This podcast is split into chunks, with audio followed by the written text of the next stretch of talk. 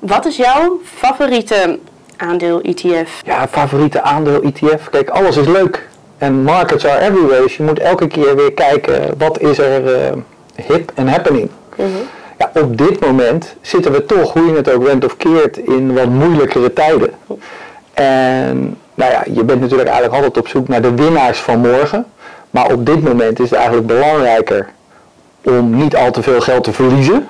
In plaats van om nou net zoveel te winnen als dat we de afgelopen jaren hebben gedaan. Ja, wie ben je, wat doe je? Ja, ik ben Jean-Paul van Uitheusden. En sinds 2020 ben ik bezig met mijn eigen beleggingsplatform Markets Are Everywhere. Wat gaan we behandelen? Ja, we gaan het vandaag hebben over Shell. Ja, dat is natuurlijk een prachtig aandeel, zeker in deze tijd. Groot oliebedrijf, dat heeft voor's en tegens. We hebben allemaal energie nodig en we kunnen op dit moment niet zonder fossiele brandstof. Olieprijs staat heel hoog, dus het aandeel Shell zit in de lift. Daarnaast kan jij kans maken op een golfclinic bij Raad het Aandeel.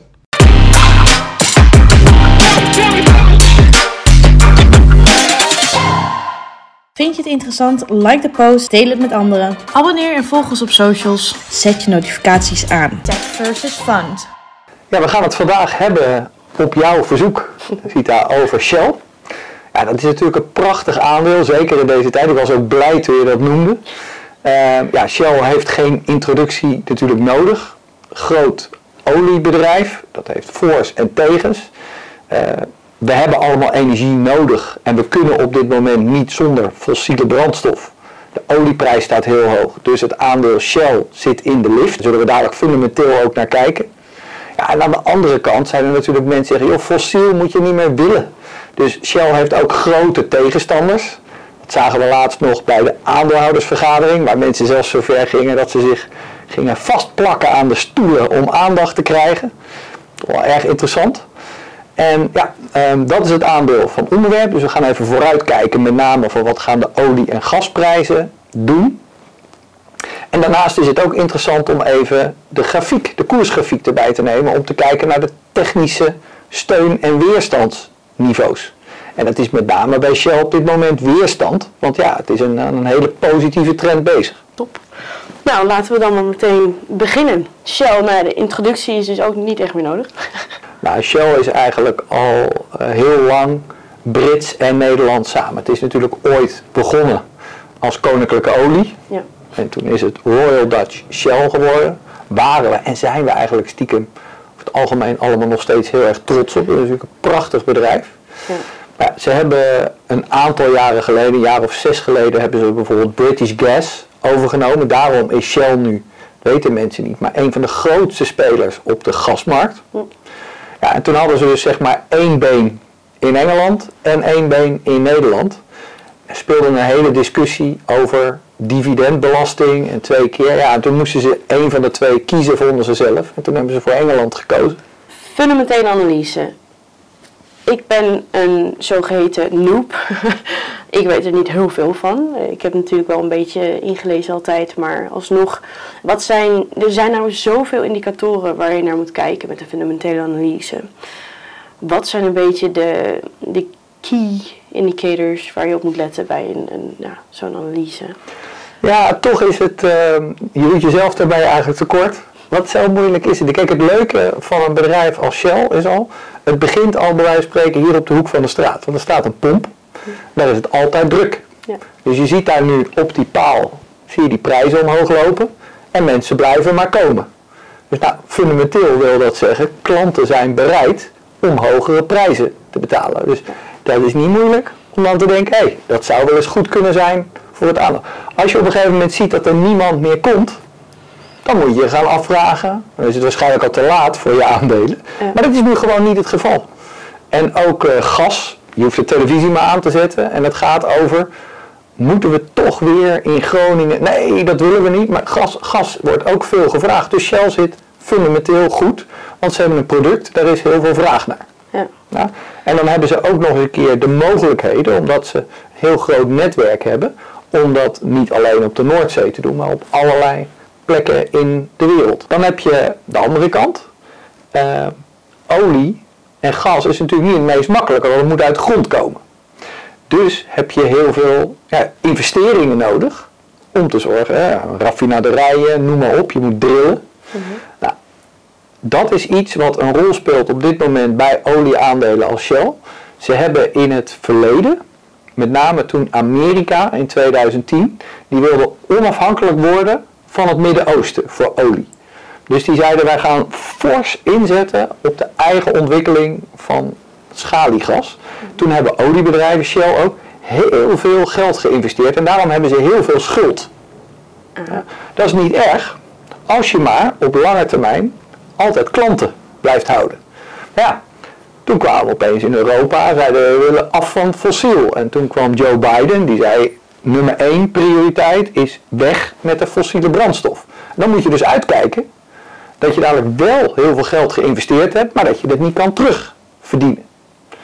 Nou, dat, daar heeft Shell nu eigenlijk een mazzeltje. Want ja, die olieprijs staat nu heel hoog, dus ze verdienen nu echt geld als water. Het geld klotst tegen de plinten. Ja, daar. Letterlijk. Maar dat doen ze heel erg goed, vind ik, als analist, dat ze ook versneld nu de schuld aflossen. Dat is slim. Ja. Ja? En dat is, hoe langer die olieprijs hoog blijft, hoe lager die schuld gaat. Ja, en dat was eigenlijk altijd fundamenteel gezien een beetje het probleem, het anker achter de boot bij Shell. Waarom dat Shell op een gegeven moment zelfs naar 10 euro, dat kan je nou niet meer voorstellen, ging naar 10 euro. De mensen zeiden, ja, ze blijven dan dadelijk zitten met, eh, dat is allemaal jargon, met stranded assets. Dus Stranded. spullen waar je niet meer van afkomt. Ja. Maar dat gaat nu, eh, dat houden ze nu nog wel, maar het wordt in ieder geval, de schuld wordt afgebouwd. Ooit zal er natuurlijk meer gedaan worden met duurzame energie, dat gebeurt nu al. Maar daar zegt Shell zelf van, eigenlijk heel simpel, van wij willen, er zijn heel veel mensen die denken dat Shell niet wil investeren in alternatieve energie, maar dat is helemaal niet zo. Zeker mevrouw eh, Van Loon, die verantwoordelijk is voor Nederland, die weet daar heel veel vanaf. Ja. Maar wat Shell gewoon zegt, ja, kijk, als we naar olie boren en dat leveren, dat levert een rendement op voor Shell zelf van ongeveer 25%. Dat weten we wel door de jaren heen hoe dat werkt. Maar als we naar windmolenparken kijken, dan levert dat misschien 7% op. Ja. Nou, dan moeten we even met onze aandeelhouders overleggen wat zij willen.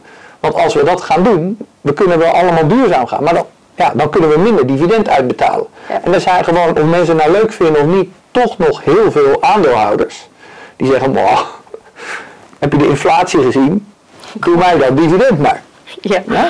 Ja. En daarom zag je dus ook op de laatste aandeelhoudersvergadering, waarop nu voor de zesde keer werd gestemd, hè, die resolutie van follow this van Shell moet sneller vergroenen, dat maar 20% van de aandelen. Je kan ook zeggen, nou 20%, maar het is wel eens meer geweest. Er zijn toch een hoop mensen die geven Shell een beetje het voordeel van de twijfel en die zeggen, jongens, help ons nou maar gewoon die energiecrisis door. Ehm, dus eh, in die zin, ja, fundamenteel gezien ziet het er goed uit.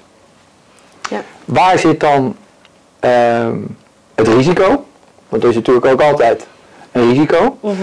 Ja, en dat is een heel leuk moment om daar nu over te praten. Want we kunnen natuurlijk allemaal niet in de toekomst kijken. Maar de behoefte in het Westen om meer olie te hebben, die is zo groot. Want ik geloof dat dat van Amerika en Europa de allergrootste prioriteit is. Maar bij fundamentele analyses moet je ook een beetje kijken naar de koerswinst bijvoorbeeld. Alhoewel ik laatst ook met iemand sprak en die zei dus inderdaad, ja, koers-winstverhoudingen heel erg interessant. Maar in deze tijden inderdaad, wanneer er zoveel gebeurt met, met nou ja, een, een mogelijke recessie en, en nou ja, alle problemen eromheen. In hoeverre kan je dan nog uitgaan van zo'n koerswinst? Ja, nou kijk, Shell is een, ehm, een, een waardeaandeel. Dat is eigenlijk een eerste levensbehoefte. En tuurlijk kijk je dan ook naar de koers-winstverhouding. Maar die gaat niet zo hard op en neer als bijvoorbeeld bij tech-aandelen.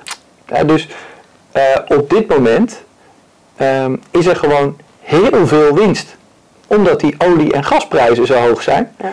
En daar hoort dan dus ook een hogere koers bij. Ja. En dat gaat in principe niet veranderen. Kijk, en of je nou 10 keer de winst of 12 keer de winst. Ja, het gaat met zulke grote aantallen vaten, zou je kunnen zeggen. dat dat van meer belang is dan het precieze getal van die koers-winstverhouding. Ja. Het gaat er eigenlijk gewoon op dit moment om. Ik heb eh, bij Markets Are Everywhere vandaag ook nog een video over genomen over de olie- en gas-ETF. Oh, leuk. Dat, het is eigenlijk een soort spelletje deal or no deal. Ja. Dus als er een deal komt dat Biden in het Midden-Oosten een deal krijgt, dan gaat de olieprijs een beetje zakken. En dan moet je wel even opletten, hoe ziet die deal er precies uit? Want heel ver zakken kan het volgens mij niet. Mhm. Ja, maar wel een beetje. Maar als er geen deal komt, ja, dan kan het ook zomaar zijn dat die olieprijs nog naar 150 dollar per vat gaat. Ja. Ja, dan is de rek bij Shell er ook nog niet uit. Ik las toevallig dus ook inderdaad op cash cow angst voor correctie op stijging nou vanaf 2020. Eh, steun op de 86 dollar. Voor mij klinkt dit alsnog steeds, ik ben een noob, dus ik heb geen idee waar ze het precies over hebben hier. Even kijken hoor. Steun op 86 dollar. Ja. Oh, van de olieprijs. De olieprijs in het bred en Shell kan dalen naar minimaal 22 euro bij correctie van de olieprijs. Nou, dat zijn niveaus, daar kan ik me wel in vinden. Ja, dat is zo'n 4 euro eraf. Dat is als je een beetje zou kijken, ja, ik heb zelf meer in mijn hoofd zitten, een olieprijs van 80. Olieprijs is een van de dingen moeilijkste te voorspellen, want die hele markt is gemanipuleerd. Ja, Dus je kan naar lijnen trekken wat je wil. Dat is toch gewoon wat er wordt onderhandeld. Ja. Maar daar kan ik me wel in vinden. En voor veel mensen die ingestapt zijn in Shell al eerder. Maar ja, als het dan een beetje terugzakt, hou je nog steeds winst over. Maar ja, aan de andere kant, 4 euro is veel. fundamenteel is vaak wat voor de langere termijn.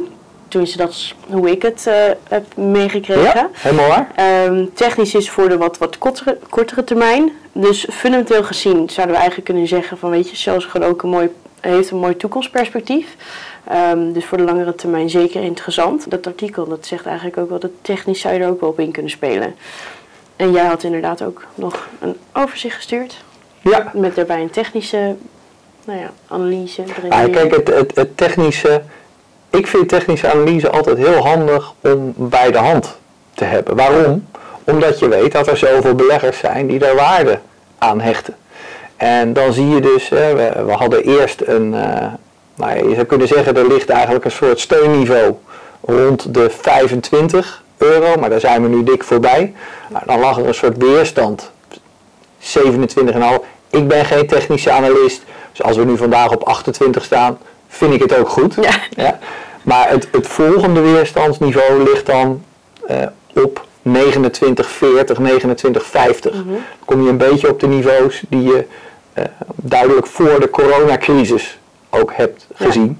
En het kan toch zijn dat mensen zeggen, nou ja, ik denk dat het hier even ophoudt. Dus dat zijn niveaus voor de mensen die iets meer gevorderd zijn met beleggen. Als je denkt, joh, ik heb die aandelen, maar ik wil er eigenlijk niet vanaf, dan zou je daar gedekt wat call-opties kunnen Ja. gaan verkopen op zo'n weerstandsniveau. Om tijdelijk wat extra rendement op je aandelen. Dan moet je wel eerst goed weten wat een optie is dat natuurlijk. sowieso Ja, inderdaad. Want maar dat is ook weer leuk als je wat wil leren over beleggen. Om je daar wat meer in te verdiepen. Ja, en ik denk dat dat absoluut interessant is, want ja, lange termijn chill, leuk, maar daar hoef je niet echt meer naar om te kijken natuurlijk. Maar we vinden het soms allemaal wel leuk om wat meer actie eh, te hebben. Ja. Nou ja, en dit is juist iets voor de zekerheid. Hè. Je kunt, Shell heeft een dividendrendement op dit moment rond de 4%. Dat is al mooi. Ja. Er is voorlopig nog heel veel vraag naar olie en gas. En we zitten met z'n allen met die inflatie. Ja. Dus in die zin snap ik wel dat mensen zeggen, ja, maar op la- hele lange termijn heeft Shell geen business meer. Nou, dat, dat is wel risicovol. Maar dat is vandaag nog niet zo. Ja, dus hoef je echt niet elke dag naar te kijken. Maar je moet wel gewoon een klein beetje het nieuws voor. Hè? Dus om nou te zeggen van je kunt het voor 10 jaar wegleggen, dat vind ik bij Shell een beetje te lang. Ja, Want we zitten natuurlijk, we willen natuurlijk heel graag naar die alternatieve energie Ja. toe. Hè? Dat is nog niet helemaal duidelijk welke plek Shell daar precies Ja. gaat innemen. maar ze zijn er natuurlijk wel mee bezig, dus ook in dat opzicht. Ja, en dat is ook leuk om gewoon een beetje te volgen. Ja. Om te kijken hoeveel marktaandeel dat ze daar eh, weten te winnen. Als de situatie, de verhouding met Rusland en met het Midden-Oosten blijft zoals het nu is. Ja, dan knallen we zo door al die weerstandniveau heen. En dan eh, zien we binnenkort de 30 euro in Shell. Ja. Raad het aandeel. Iedere maand maak jij weer kans op leuke prijzen bij Raad het Aandeel. Dit doe je door het aandeel goed te raden en in te vullen op www.kuske.com slash raad het aandeel. Het is een defensief aandeel dat in tijden van economische neergang overleeft of bloeit. De kwartaalcijfers van het bedrijf waren iets beter dan voorzien en ook was het bedrijf positiever over de verwachtingen van heel 2022. Het krijgt een koopadvies en grote banken, Citigroup en JP Morgan Chase hebben zelf al aandelen van dit bedrijf aangekocht. Nu jij nog, maar waarschijnlijk investeer je er al dagelijks in. Doe mee en maak kans op één van de 10 plekken op de golfclinic van 2 uur. Professionals geven je op Golfbaar Waterland in Amsterdam-Noord les en een blik op de world of golf. Vind je het interessant? Like de post, deel het met anderen. Abonneer en volg ons op socials. Zet je notificaties aan. Kuske bedankt haar vrienden. Van Eck, Lightbit, adviezen zijn gegeven op persoonlijke titel en onafhankelijk van Kuske tot stand gekomen.